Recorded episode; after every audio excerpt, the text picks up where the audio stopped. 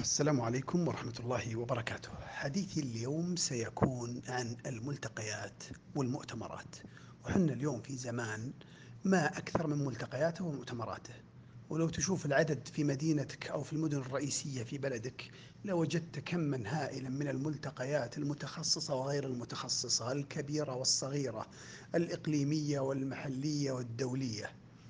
وكل واحد منا يشوف العناوين المؤتمرات أو عناوين الملتقيات ويحدث نفسه أحيانا باللوم يا أخي ليش أنا ما أحضر هالملتقيات؟ أو يكون رجل متحمس ويقول أنا لا أفوت شيئا من هذه الملتقيات.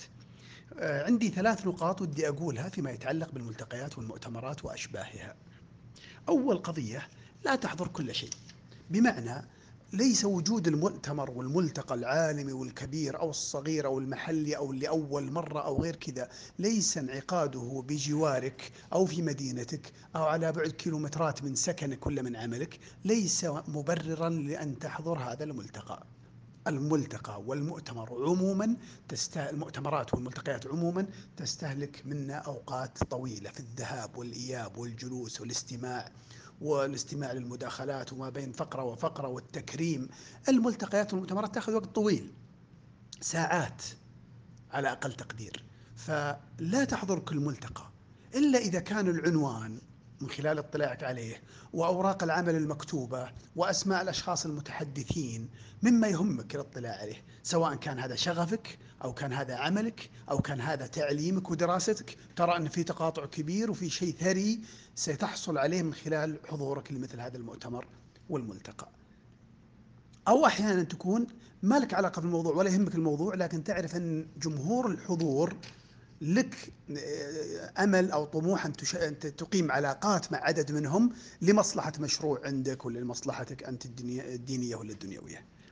فهنا يكون أو أحيانا أيضا يكون المقصود هو مد الجسور والعلاقات مع جملة من المتحدثين، يعني هذا المؤتمر سيأتي في فلان وهذا يهمني أن أتعرف عليه وأن يكون بيني وبينه صلة فسأحضر وسأداخل وسأسلم عليه بعد اللقاء لأوثق العلاقة معه. هنا يكون الهدف واضح. المهم ألا تحضر ملتقى ولا مؤتمر من وجهة نظري إلا لك فيه مصلحة واضحة من حضورك لأن الوقت سيذهب سدى.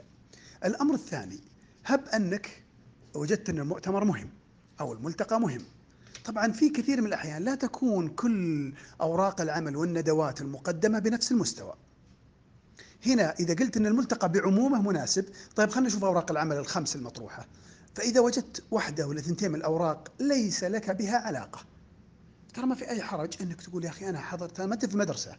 تقول والله أنا ما دام حضرت من الحصة الأولى للحصة السابعة لازم أحضر. لا يا حبيبي أحضر. أحضر الورقة اللي تروق لك وأطلع من الورقة اللي ما تروق لك.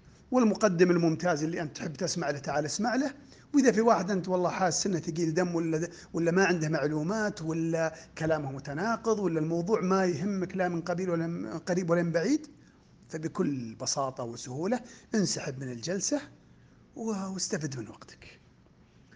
وهذا مو مدعاة التفلت من الملتقيات إن الناس يحضرون ويسحبون رجليهم في الأسياب لكن بكل بكل وضوح لا تشعر بتأنيب الضمير أنك خرجت من أحد أوراق العمل لأن موضوعها لا يهمك. هذا أبسط حقوقك.